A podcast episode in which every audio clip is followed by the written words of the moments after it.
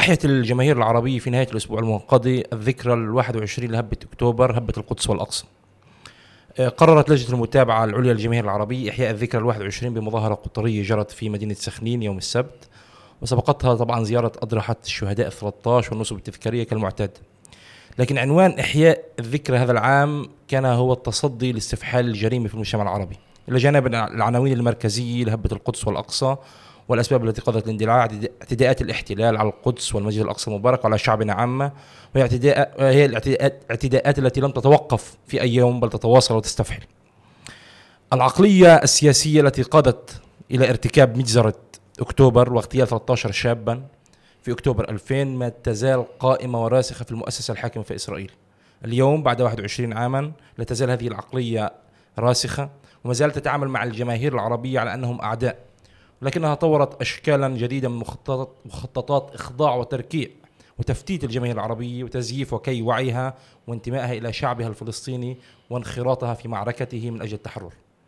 معنا في هذه الحلقة من بودكاست واقع سياسي رئيس لجنة المتابعة العليا للجماهير العربية رفيق محمد بركي. أهلا بك رفيق. أهلا وسهلا. آه، رفيق قبل الدخول إلى خصوصية هذه الذكرى بالذات الذكرى ال 21 نعود 21 عاما للوراء. أنت كنت شاهدا ومنخرطا في آه، تلك آه، تلك الأحداث. ماذا يمكن أن تقول عن تلك الأحداث؟ الجيل الذي تربى في العشرين عاما الأخيرة ولم ولا يعرف الكثير عن الوقائع التي حدثت. يعني آه، هي بدأت القضية آه، باقتحام شارون للمسجد الأقصى المبارك بموافقة آه، رئيس الحكومة آنذاك باراك. هنالك من يميل بطريق الخطأ ليقول أن هذا استفزاز من شارون كرئيس معارضة في حينه. لكن في واقع الحال أحداث آه، التي رافقت هذه الزيارة وما قبلها وما بعدها تدل على أنه كان أمر مبيت من المؤسسة. بمفهوم أن آه، جرى تحذير باراك من هذه الخطوة من السماح بهذه الزيارة. والرئيس والزعيم الراحل أبو عمار تحدث معه مباشرة مع مع باراك وحذره من أن هذا سيشعل حريق كبير. وأنا سمعت هذا الكلام من الرئيس أبو عمار شخصيا مباشرة هو الذي قال لي هذا الكلام. بعد ذلك الكلام نشر وأصبح يعني في متناول الجميع. وبراك في حينه قال له إنه نحن دولة ديمقراطية ما معناه طبعا نحن دولة ديمقراطية وهو عضو كنيسه يملك حصانة وأنا لا أستطيع أن أمنعه. طبعا هذا كلام كاذب نحن نرى في هذه الأيام كيف أو في أيام آه، نتنياهو كيف أصدر أمرا رئيس الحكومة شخصيا أصدر أمرا بمنع النواب العرب من الذهاب إلى المسجد الأقصى. بما في ذلك نواب مسلمين يعني يذهبوا إلى مكان عبادتهم. فكل هذا الكلام اللي تذرع به باراك يعني لم يستند إلى أي أساس. أكثر من ذلك يعني لو فرض أو افترضنا أن اقتحام شارون فرض على باراك لكان أعطى الأوامر بعدم استفزاز المصلين في اليوم التالي. كان الحكي 28 9 شارون آه، يوم خميس 29 9 2000 كان. صلاة الجمعة بطبيعة الحال يوم الجمعة فهاجموا المصلين أثناء الصلاة وقتلوا عددا من الشهداء. وأذكر في يومها كنت في زيارة عمل وكنت نائبا في في الكنيست في زيارة عمل في قرية المغار. ومن هناك اتصلت في رئيس لجنة المتابعة الأخ أبو فيصل محمد زيدان في حينه. وطلبت عقد جلسة طارئة للجنة المتابعة وانعقدت فعلا في اليوم التالي لكن انعقدت على خلفية مشهد أثار مشاعر الناس بشكل غير مسبوق وهو ذلك الطفل الذي احتم وراء والده وجنود الاحتلال جلاوزة الاحتلال أطلقوا الرصاص عليه أنا أعني محمد الدرة وهذا أثار طبعا غضبا شديدا. آه، فطبعا في اجتماع لجنة المتابعة نحن قررنا أن نعلن إضرابا عاما. في اليوم التالي يوم الأحد 30 آه، الشهر آه، واحد الشهر. وسقط ثلاثة شهداء في أم الفحم في نفس اليوم. فاجتمعنا مرة أخرى للجنة في لجنة المتابعة وقررنا إضراب في اليوم الذي يليه. وسقط شهداء أيضا وأيضا اليوم الذي يليه وهكذا. لكن بعد ذلك قلنا أن هذه حكومة مستشرسة تريد أن تقتل أولادنا وعلينا أن آه، نحسب خطواتنا بشكل آه، أن لا نفرط بأبنائنا. في نهاية الأمر نحن سنقف أمام الأهالي. واضح أن المجرم الأساسي هو الجيش والسلطة والمؤسسة الإسرائيلية. لكن أيضا القيادة يجب أن تحسب الحسابات. ويومها أنا قلت الجملة التي نرددها كثيرا أن على القيادة أن تحمي الناس وليس أن تحتمي بالناس. بمعنى أنا أعرف أن هنالك كان قيادات تتحدث عن مواجهة وعن انتصار وما إلى ذلك ونحن كنا بين الناس لم لم أجلس لا في النوافذ العليا ولا في في الملاجئ إنما كنت بين الناس وكان بيني وبين الموت شعرة في أكثر من مكان على شارع عكا صفد قرب البعني. في الحي الشرقي عندما هجم الغلاة اليمينيين على الحي الشرقي من نتسارة عليت آنذاك اللي اليوم هي نوفا قليل على مفرق بالفاحم كذلك الأمر. يعني أنا أذكر في في الناصرة يعني فعلا يعني لا يعني هذا ليس تعبيرا مجازيا كان بيني وبين الموت شعره لأن الرصاصه حرقت شعري. عندما اختبأت وراءه. فيعني في نهاية الأمر أعتقد أنه يعني مشهد البطولة الذي سطره مجتمعنا وشعبنا هو المشهد الأساسي. وفي المواجهة في مقابل ومواجهة مشهد الجريمة الذي آه، آه، اختطته بالدم آه، حكومة إسرائيل برئاسة باراك. نعم. طيب الآن مر 21 عاما على تلك الأحداث. ونحيي اليوم الذكرى الواحد وعشرين. ما هي الخصوصية التي تأتي فيها هذه الذكرى في سياق الوضع السياسي المتطور والتطورات الأخيرة والسياسية لماذا تحمل هذه الذكرى بالذات خصوصية آه، تاريخية معينة؟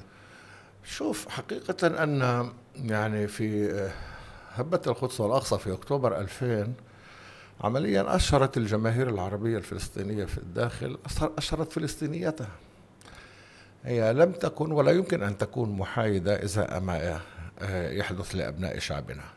هذا الأمر أثار انزعاج وقلق المؤسسة. هي اعتقدت أنها خلقت فصيلة خاصة بها عرب إسرائيل من الفلسطينيين. وأنا أقول اليوم بنظرة إلى الوراء عبر سبعين عاما أن في كل مرة كانت هذه الجماهير أمام اختبار نجحت بهذا الاختبار بامتياز بالتحيز لفلسطينيتها وهذا رأيناه في أيار الماضي قبل عدة أشهر في هبة الكرامة. ما يميز المرحلة أو ما تحدث في العشرين سنة الأخيرة هو أن هنالك يعني تطور إن صح التعبير في آه، مفهوم في المفهوم القمع في شكل القمع. فوسائل القمع المباشر من ملاحقات واعتقالات ما زالت قائمة لكن هم أخذوا طريق التفتيت والتفكيك في داخل المجتمع نفسه. ويكفي أن نقول أنه استفحال الجريمة في هذه السنوات من عام 2000 لحد اليوم هو مشروع إسرائيلي بامتياز. وإلا كيف يمكن أن نفسر إنه بين سنة 1980 لسنة 2000 كان عندنا 81 ضحية من ضحايا الجريمة والعنف؟ 81 بينما من 2000 إلى 2021 برضه 20 سنة 1485 هل كنا شعب من من المتحضرين وأصبحنا شعب من الهمجيين؟ لا طبعا لا.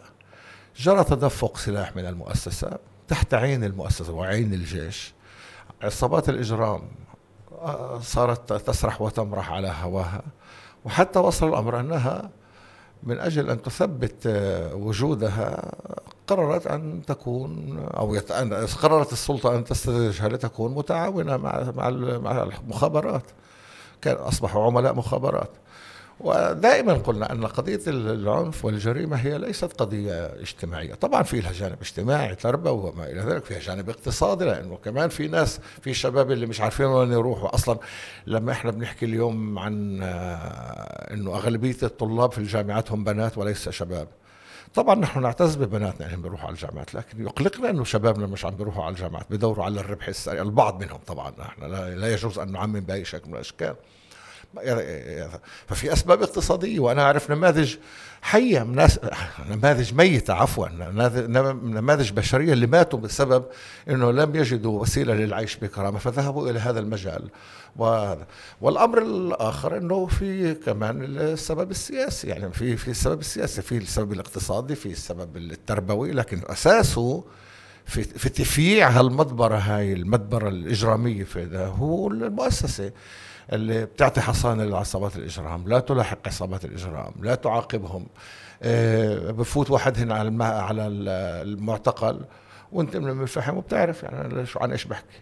بفوت على المعتقل ثاني يوم بيكون يكزر في نفس المحل اللي أطلق فيه الرصاص يعني بيكون فهذا بيقول إنه هذا مشروع مؤسسي ولذلك هنالك جانب سياسي وطني في موضوع مكافحة الجريمة مشروع سياسي في مواجهة سياسي مجرمة. على فكرة النظام الأمريكي استعمل نفس الشيء بين السود على مدار عشرات السنوات عندما دس الجريمة والمخدرات والجنوح إلى إلى المجتمعات السوداء في في في الولايات المتحدة الأمريكية. لتفكيكها وتفتيتها وجعلها دائما في حالة توتر وحالة تصادم في داخلها آه، من أجل إتاحة المجال لاضطهادها وتشويه وعيها. فيجب أن يفهم الإسرائيليون المؤسسة الإسرائيلية يجب أن تفهم إنه هذا الأمر يعني بدمش في الآخر. يعني الناس مش ممكن تقبل إنها تكون تعيش في حظيرة أغنام. كل يوم يسحب واحد للذبح وإحنا نستنى العلف زي ما بده بعض الناس اليوم. بقول لك إحنا قاعدين في هذا. ويفترضون إنه يجب أن نشعر بالغبطة والارتياح إنه كل ما رموا لنا شوية علف بينما نحن موجودون في حظيرة حدد حدودها المؤسسة الإسرائيلية والسلطة الإسرائيلية والحكومة الإسرائيلية. هذا يقودنا طبعا إلى السؤال السؤال المدني والسؤال القومي وما إلى ذلك. هل نحن مستهلكي خدمات أم نحن الشعب عندنا وجود؟ وحقنا في الخدمات وحقنا في الأمور المدنية هي نابعة ليس من ولائنا للمؤسسة إنما نابعة من أننا أصحاب الأرض وأصحاب البلاد وأننا مواطنون مش مش مش مش جايين ضيوف عند حدا يعني. نعم. إيه، ولهذا بالذات اخترتم أنت في لجنة المتابعة أن يكون عنوان المحور الرئيسي نعم. المحور الرئيسي لإحياء هذه الذكرى هو محاربة العنف والجريمة بالتوازي يعني في ذات الوقت هناك من طرح آه، ما يصوره على أنه حل. آه، لهذا الأمر وأعلن عن آه، إدخال الشباك إلى آه، سياق محاربة الجريمة. وكان للجنه المتابعة قول في هذا طبعا اليوم إحنا الطرح. صحيح إحنا في أنا في كلمتي في المهرجان الختامي تطرقت توقفت مطولا عند هذا الموضوع. واليوم أصدر أصدرنا بيانا كاملا ومتكاملا وخاصة بعد أن قررت اللجنة الوزارية المختصة بهذا الشأن بتخويل الشباب جهاز المخابرات العام والجيش بأن يكونوا طرف في في هذا الموضوع. هذا أمر في غاية الخطورة. أنا أقول لك رفيق حسن على هذه الأمور في دولة طبيعية تسقط حكومات. أن يجري معالجة قضية مدنية. مش قضية حتى هنا في حالة خاصة إنه هون قضية مدنية موجهة ضد مجموعة قومية في داخل الدولة مش ضد كل مش مش مش موجهة لكل المجتمع إنما ولذلك هذا يكتسب أيضا صبغة عنصرية وصبغة فاشية هيمنة الأجهزة أجهزة الدولة العميقة على على على على الشارع. هذا ترافق مع اقتراحات آه، موجودة في الحكومة لإتاحة المجال للشرطة بأن تدخل البيوت بدون أمر بدون أمر تفتيش بدون استئذان بدون أي شيء. إذا أضفت هذول كلهم مع قانون القومية هذا يعني لا يمكن تسميتها إلا ملامح الدولة الفاشية ما لهاش معنى آخر. إنه في قانون يستثني 20% من المواطنين من المواطنة وهؤلاء يعالج أمرهم مش بمؤسسات الدولة المدنية إنما بمؤسسات الدولة العسكرية والمخابراتية. فأنا أقول يعني هذا كلام مرفوض مرفوض. يعني هنالك من تحت ضائقة تحت ضغط الواقع المرير والإجرام بقول لك آه ويجوا شو بصير؟ بس في الآخر مش اللي بده اللي بده يصير إنه في الآخر بده يدخلوا على مسامات حياتك بده يدخلوا على مسامات مسامات أولادك. طب إحنا بدون هذا التخويل لسه من كم سنة يعني أو أكثر نشر لأول مرة بشكل علني طبعا إحنا بنعرف عن تدخل الشباب في جهاز التعليم أما نشر عن أبو آب كان مدير عام وزارة المعارف وعن اجتماعه بالشباب من أجل البحث في قضية برمجت الطلاب العرب في المدارس. فهذا كلام خطير. وإنه إحنا بنقول إنه طيب هذول هن عملاء للشباب كيف؟ يعني الشباب إيش بده يعمل لهم هسه فاهم كيف بده يعمل تأهيل مهني جديد؟ إيش بده يعمل؟ بده يعمل لهم حزب سياسي ولا شو بده يعمل لهم؟ ما هو اللي خلقهن. لذلك أنا ما أقوله نحن نريد من الجيش دور. الجيش هو أن لا يمد العصابات بالسلاح. يسكر حنفياته اللي فتحها على على على, على وسعها للعصابات الإجرام. نريد شيئا من من المخابرات أن تحل عنا تتدخلش في حياتنا. يعني لا بدنا خيرهن ولا بدهن شرهن خيرهن ولا شر فيش من راهن خير أصلا. مش ممكن يكون خير. لا يجوز أن تضع القط ليحرس الجبنه ما بصيرش. لا يجوز أن آه، آه، تطلب من الذي آه، من الأب الشرعي للإجرام أن يكون هو الذي يقضي على ابنه الشرعي. مش يعني في شيء مش طبيعي. ولذلك أنا أستهجن إنه في بعض العربان الذين يقولون لم لا؟ البعض يقولها عن ضغط وعن يأس من الوضع لكن البعض يؤدلجها. هذا جزء من عملية التوحيل السياسي. إنه المهم اعطينا أعطينا شوية علف في هالحظيرة. تضرب غزة اضرب غزة. بدك استباحة الأقصى استبيح الأقصى. اليوم أكبر نسبة اقتحامات للمستوطنين في الأقصى في عهد هذه الحكومة. استبيح الأقصى. بدك تعمل مشاريع استيطانية مئة ألف وحدة سكنية في الاستيطان ما في ذلك في محيط القدس. اعمل. بدك تهدم العراقيب 193 مرة. اهدم. بدك تدخل الشباك دخل. بدك تروح على الأمم المتحدة بنت يحكي ما يجيبش سيرة فلسطين وكأنه هذه قضية موجودة في القطب الثاني وتيجي تبرر له. آه، برر.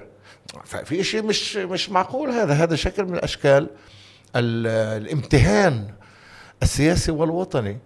وأنا طبعا أنا أعرف إنه في ناس كثير محسوبين على القائمه العربيه الموحده اللي هن مش راضين في هذا الموضوع. أنا أدعوهم لتصويب المسار.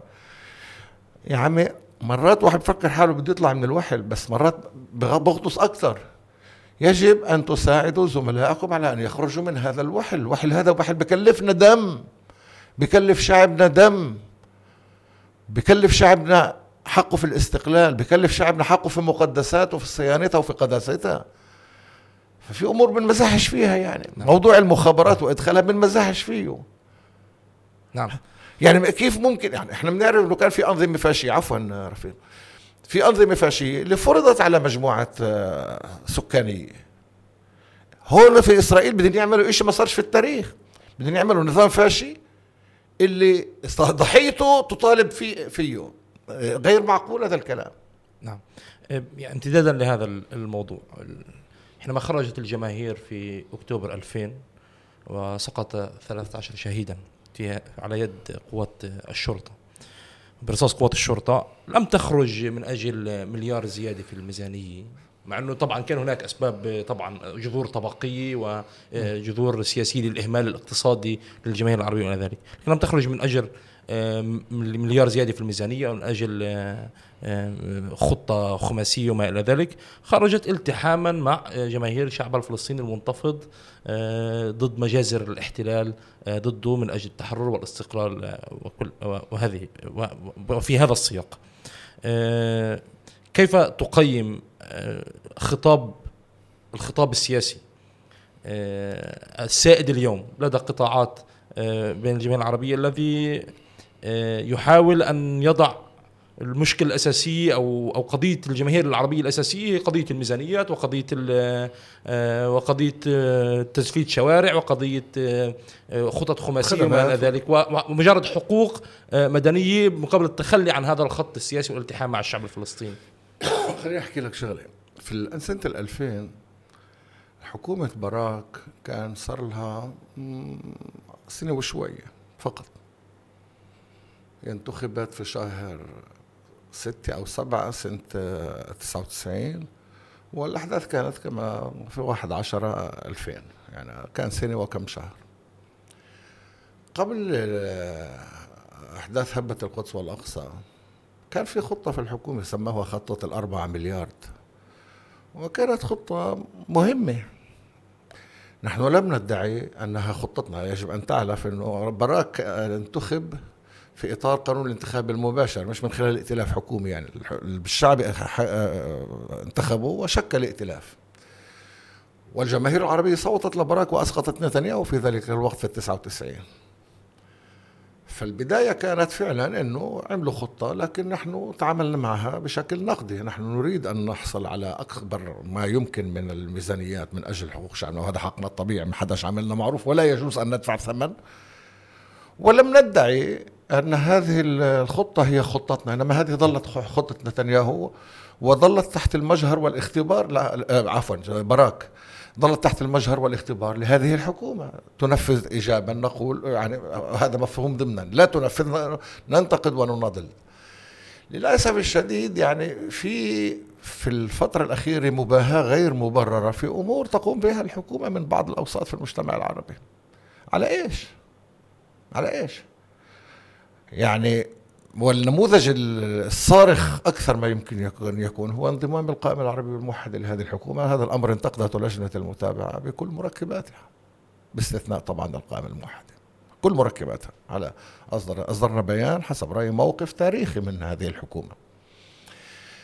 ف اي محاولة لإجراء عمليه مقايضة بين حقوقك اللي لا غير غير القابلة للتصرف اللي لا نقاش عليها. وأن تصبح مدفوعة الثمن بهويتك بحقوقك القومية هذا أمر غير مقبول لا يمكن. حقوقك القومية هي مش بس القدس والمقدسات والاستقلال والعودة هي أيضا حق حقك حقوقك القومية في داخل إسرائيل. نحن كجزء من الشعب الفلسطيني حقنا في أن نقف إلى شعبنا الفلسطيني وما حداش يجي يقول لنا طابور خامس. إحنا كيف طابور خامس؟ إحنا جزء من هذا الشعب. واجبنا وحقنا أن هذا جزء من حقوقنا القومية اللي على الدولة أن تعترف بها. عندما تتعرض لشعبنا نحن مع شعبنا وليس معها.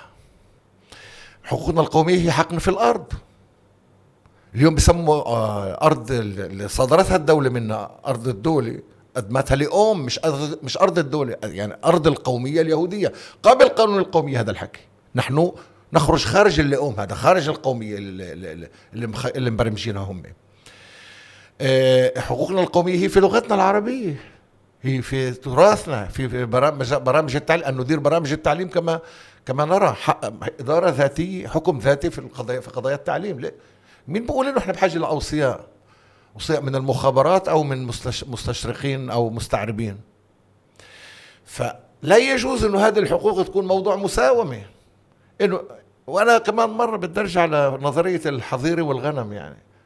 إنه ب... هن بحددوا لك الحدود إنه هاي الحظيره اللي بدك تدفع البلاد بلادك كلها. كل بلاد بلادك. لا بحطوا لك هاي الحظيره أنت هون. من حين لآخر بيسحبوا واحد على الذبيح أنت بتحسش مع الغنم. بحسش مين نقص ومين بس بستنى وانت العلف لا إحنا مش غنم يا عمي. إحنا شعب عنده كرامته عنده عزته شعب مناضلين. وحتى المراهنات اللي كانت عند المؤسسة على كسر معنوية وعنفوان أهلنا في المدن التاريخية في اللد في الرمل في يافا. فشلت فشلا ذريعا وشفنا في هبة الكرامة هذه الوقفة العظيمة. جربوا كذلك الأمر في القدس على فكرة. دخلوا عليها المخابرات ودخلوا عليها الوساخة والجنوح واللي بدك إياته. وسهلوا كل الأشياء الوسخة هناك. بس في كل اختبار بتلاقي شعبنا في القدس شوف في, في, في أيار برضه وقفوا. شوف في موضوع البوابات الوقف العظيم اللي كانت. فيعني آه، هذه مخابرات آه، مراهنات خائبة. هذه مراهنات خائبة.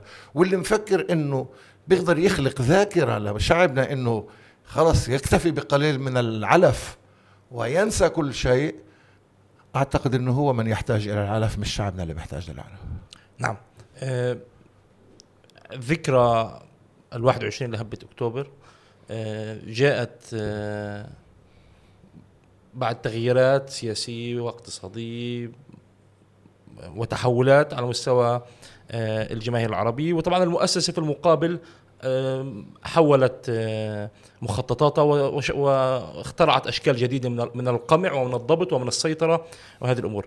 ماذا تعتقد أنا مش اليوم مشروع قيادة الجماهير العربيه في مواجهة هذه التحولات على مستوى المجتمع العربي وعلى مستوى تطور أدوات القمع والضبط وكي الوعي آه، آه، الذي تتخذه المؤسسة، ما هو مشروع لجنة المتابعة القيادات الجمعيه العربيه؟ ماذا ما يجب أن يكون المشروع المواجه لهذا المشروع وكيف آه، ترصد التطور؟ شوف عندما نقول أن مشروع المؤسسة هو تفكيك وتفتيت عكس التفتيت والتفكيك هو التلاحم والوحدة. يعني هذه الأداة التي كانت صحيحة دائما صحيحه دائما تاريخيا أن الوحدة الوحدة النضالية الوحدة الكفاحية.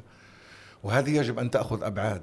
لذلك مثلا اسمع شو كان يحكي زهر زهر اللي كان رئيس الائتلاف الحاكم من الليكود. قال إحنا فوضنا القائمة العربية الموحدة مش عشان ننضم على الائتلاف مشان نفك القائمة المشتركة هم يعرفون ماذا يفعلون هم يريدون أن يفككوا كل ملمح من ملامح الوحدة. كل ملمح سواء قائمة مشتركة سواء لجنة المتابعة سواء العمل الميداني آه، سواء التلاحم المجتمعي خلق حزازات ونزاعات على خلفيات عائلية هنا وخلفيات طائفية هناك وخلفيات مصلحية هنا في مكان ثالث. لذلك نحن يجب أن لا نشعر بالحرج أنه أداتنا الأساسية هي الوحدة الوحدة الكفاحية الوحدة النضالية وحدة الوحدة الوطنية النضالية. مع من هو مستعد في الشارع المجتمع اليهودي أن يكون إلى جانبنا ونحن نريد أن يكون لنا حلفاء. ما فيش شعب طبيعي يريد آه، أو يرفض آه، أن يقف إلى جانبه الناس من خارج آه، مجتمعه. فهذا هذا هذا أمر أساسي. لكن حسب رأيي يجب الارتقاء بالطرح يجب الارتقاء بالطرح بمفهوم إنه في عندنا في يعني من أحد مخلفات المرحلة هي تبعت ال 20 سنة وانتشار العنف إنه في بعض ال ال ال الهيكليات اللي تراجعت بشكل خطير. وأنا أعني الهيكليات العمل الشبابي الحركة الطلابية. اليوم تقريبا ما فيش حركة طلابية. وهذا ينعكس على الأحزاب. وأنا قلت في أكثر مرة في حزبنا مش في حزب حدا ثاني حزب بدون شبيبي بدون مد شبابي هو حزب ميت. أنا سعيد إنه في حراك جديد بين الشباب. هذا الحراك يجب أن يكون مؤطر يجب أن يكون مسيس مش لازم يكون بس يعني أنا طبعا بعتز في كل شبابنا والحراكات اللي طلعت ضد العنف وضد الجريمة وخرجت في هبة القدس في هبة الكرامة. هذا أمر فعلا يثلج الصدر. لكن أنا ما زلت مصر إنه أرقى أشكال التنظيم المجتمعي إلى جانب الوحدة الوطنية حول القضايا المشتركة أرقى إشكال التنظيم المجتمعي هي العمل الحزبي الانتماء إلى أحزاب. لأن الحزب المفروض أن يعطي جواب على كل القضايا مش جمعية اللي بتشتغل في قضية مفلحين وهذا بتشتغل في قضية الصحة وهذا بتشتغل في قضية كذا لا.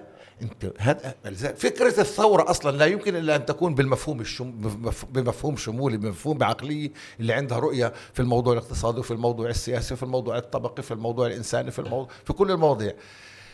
لذلك تسفيه الأحزاب في كل المجتمعات الرأسمالية وفي داخل عنا وفي داخل إسرائيل أيضا وبين جماهيرنا إنه شو بدنا في الأحزاب وايش هذه تعبير عن دس خبيث من أجل جزء من عملية التفكيك. شو بدنا في اعضاء الكنيسة؟ بدناش حدا يمثلنا. طب راحوا أعضاء الكنيسة راحوا رؤساء السلطات الماليه راحت لجنة المتابعة. مين اللي بده يحكي باسمنا كل واحد يحكي لحاله. بتيجوا لفلان أنت ياخذ عشرة شيكل يا بنكسر راسك. هيك ندشر كل نفقد عنصر الجماعة. فأعتقد إنه إلى جانب الوحدة الوطنية تعزيز ال ال ال ال الوعي السياسي والعمل السياسي والتنظيم السياسي. وإحدى الأدوات المركزية هي العمل الطلابي وإعادة الحياة للحركة الطلابية. وأنا يعني أسمع الآن أنه في مبادرات إيجابية أتأمل أنه تنجح. نحن سنساعد بكل ما أوتينا من قوة من أجل ذلك. نعم. آه، ما تحدثنا عنه عن هذا الاختلال بين المدني والقومي في في خطابات البعض أو هذا التراجع على مستوى الخطاب السياسي من أكتوبر 2000 إلى اليوم. ما كان ليحدث آه، آه، لولا التراجع على مستوى القضية الفلسطينية بشكل عام؟ الان يعني ماذا يمكن التحدث عن عن الوضع الذي تواجه فيه القضية الفلسطينية في سياق جماهيرنا العربية أو في سياق التحام جماهيرنا العربية مع هذه آه، القضية؟ شوف الواقع الفلسطيني المتعثر في الأداء وفي النتائج ينعكس علينا. ينعكس علينا. يعني لما بتيجي تقول طب إحنا شعب مش عارف لك طب هي مش في طلع شوف هناك شو عم بيعملوا وكذا ومتفرقين ومن اسم انقسام وبتقاتلوا والآخر وذبحوا بعض. ولا إحنا بدنا نكون أكثر معهن أكثر إحنا مش معهن إحنا مع أنفسنا. لذلك هذا جزء من عملية الدس الخبيث من التفكيك الخبيث. إنه كأنه في نحن وهم فيش نحن وهم. هذا نفس الشريان نفس الدم يسري في هذه العروق. لا شك إنه الوضع على الساحه الفلسطينية و ما آلت إليه اتفاقيات أوسلو اللي تحولت إلى ما تريد إسرائيل تاريخيا هو أمر خطير وينعكس على كل أبناء الشعب الفلسطيني وينعكس علينا. الانقسام الانقسام أنا قلت أنه الإصرار على الانقسام أو التمسك بالانقسام هو أقرب نقطة إلى الخيانة الوطنية وأنا مصر على ذلك آه، بالكامل. المشروع الصهيوني وأنا لا أريد الاستطراد أكثر من هيك يعني واضح إنه المشروع الصهيوني ما كانش مع قرار التقسيم عندما اعلنوا اعلنوا الحركة الصهيونية عن قبول قرار التقسيم في ال 47 ما كانتش مع قرار التقسيم يعني كانت بدها تستولي على فلسطين كاملة. لكن كل ما كان يجي في إيدها شيء بدها تأخذه. شوف شو اللي صار من وقتها. إحنا كنا نقول آه، بعد سبعة بعد 48 بعد ما أعلنوا قيام اسرائيل وصار شعبنا شعبنا بغالبيته لاجئين صرنا نقول حل القضية على أساس قرارات الأمم المتحدة. بعد ال 67 صرنا نقول دولة بالضفة الغربية وقطاع غزة وعاصمتها القدس. اليوم بقول لك طب الاستيطان أكل الدنيا وخرب الدنيا والقدس. مش عارف كيف كيف بدك تقيم دولة؟ بطل نرفع شعار الدولة الواحدة. شو شعار الدولة الواحدة؟ هي الوضع القائم. تحسين شروط الوضع القائم. هذا معنى الدولة الواحدة أنا مش أنا بالعكس الشعار التاريخي الصحيح من 45 اللي كتبه ماير فيلنر هو دولة ديمقراطية لكل المواطنين في في في, فلسطين. لكن اليوم مش هذا المطروح. المطروح يجب أن يكون آه، قالوا دولتين للشعبين. فطلعت لنا تسيبي ليفني في 2009 بتقول لك دولتين للشعبين معناها إنه إسرائيل دولة كل اليهود في العالم معناته أنت بدك تقبل الفكرة الصهيونية إنه اليهود شعب واحد من كل أنحاء العالم. ودولة فلسطين هي دولة كل الفلسطينيين معناته أن تشطب حق العودة. فشوف التحوير والتزييف اللي صار لهذا الشعار. لذلك أنا قلت يجب ما حداش يذكر موضوع دولتين للشعبين الآن شعار الدولتين. حتى نفكك هل فعلا إحنا بدنا نقيم دولتين؟ لا إحنا ما بدنا نقيم دولتين. في دولة واحدة قائمة. وطاغية وخارجة عن حدودها وعن عن الدنيا كلياتها. الحديث يجب أن يتمحور في حق تقرير مصير الشعب الفلسطيني. في أن تقوم دولة فلسطينية تمثل الشخصية الوطنية للشعب الفلسطيني اللي بعدها عندما تكون هذه الدولة المستقلة الفلسطينية تفاوض على كونفدرالية على اللي بدهياته بمحض إرادتها. لكن إنه يصادر حق تقرير مصير للشعب الفلسطيني ويجري تحويل الصراع على تحسين شروط المعيشة. هذه حكاها أرنس في الثمانينات وحكاها آه، بيرس برضه في سنة الثمانينات المتأخرة أكثر. واحد سماها آه، تقاسم وظيفي واحد سماها تحسين ظروف المعيشي فبيطلع إنه إحنا في الوضع اللي عم بنناقشه بين القومي وبين المدني إنه آه، تحسين ظروف إنه يعني هات نشوف كيف نحسن وضعنا تحت في واقع الاحتلال. اختراع السلطة الوطنية الفلسطينية كأمر مؤقت اللي وافق عليه ياسر عرفات ربما كان صحيحا لكن أن يتحول إلى أمر ثابت هذا معناته إعفاء إسرائيل من تعريفها كدولة أبرتهايد بأي مفهوم؟ بمفهوم أنه الفلسطينيين في الضفة والقطاع هم يعمل بيعملوا انتخابات وعند المجلس التشريعي لكن ما عندناش صلاحية على ولا شيء. حتى مشان يتلقوا مساعدات مشان يتلقوا ميزانيات لازم إسرائيل توافق. وكذلك الأمر مع سلطة حماس على فكرة. مشان يدخل المال القطري لازم توافق إسرائيل. إيش هاي هذا شكل من اشكال التردي الذي لا, لا يطاق. إنه عندنا حكومتين وعندنا سلطتين وما عندناش آه، صلاحيات. وكل ما يدخل إلى هنا أو هناك يدخل بموافقة إسرائيل. بمعنى اسرائيل ليش لا توافق من هذا النوع؟ إلا إذا تعاملت معك كمقاول ثانوي لمهماتها في, في, في الأرض. لذلك يجب إعادة ترتيب الأوراق اعاده ترتيب الأوراق. والأمر اللي كان يجب أن يكون مؤقت حل المرحلة في إطار أوسلو لما مرأت ال 96 ومرأت ال 2000 خلص انتهينا انتهينا. ليش بعدنا متمسكين في في في في في, في, في إعطاء هذه التسهيلات المجانية لإسرائيل؟ وأيضا يضاف إلى ذلك الانقسام القبيح والخطير اللي حصل على الساحة الفلسطينية. فكل موضوع القضية الفلسطينية هذا يعني له انعكاسات خطيرة على على المزاج الوطني للشعب. في ناس اللي يعني فقدت الرغبة العنفوان في أن تقاوم. وهذا ينعكس علينا. هذا بقول خلينا ندبر حالنا. هذا يدفع في اتجاه الأسرع لما يحدث على صعيد القضية ككل يدفع في اتجاه الأسرع إحنا القوى السياسية الجذرية في المجتمع الفلسطيني في الداخل نحن نسبح ضد تيار عنيف في فلسطين التاريخية كلها في الإقليم في مواجهة إسرائيل اللي هي واحدة من أعتى الدول وأكثرها تكنو... أكثرها آه إمكانيات تكنولوجية. وأنا أقول أنه وقوفنا في وجه هذا الطوفان هذا شكل من أشكال البطولة لكن المهمة صعبة مهمة صعبة ونحن لها. وكمان مرة اللي قلت لك في قبل كم مرة. في كل مرة يفرض علينا اختبار نحن ننجح في هذا الاختبار بتفوق بأن ننتصر إلى هويتنا وإلى انتمائنا. نعم. آه، رفيق أحمد بركة رئيس لجنة المتابعة العليا للقضايا الجامعة العربية. شكرا لوقتك وسعدنا باستضافتك. شكرا. شكرا أنا أسعد. شكرا. الله يخليكم. يعطيكم العافية.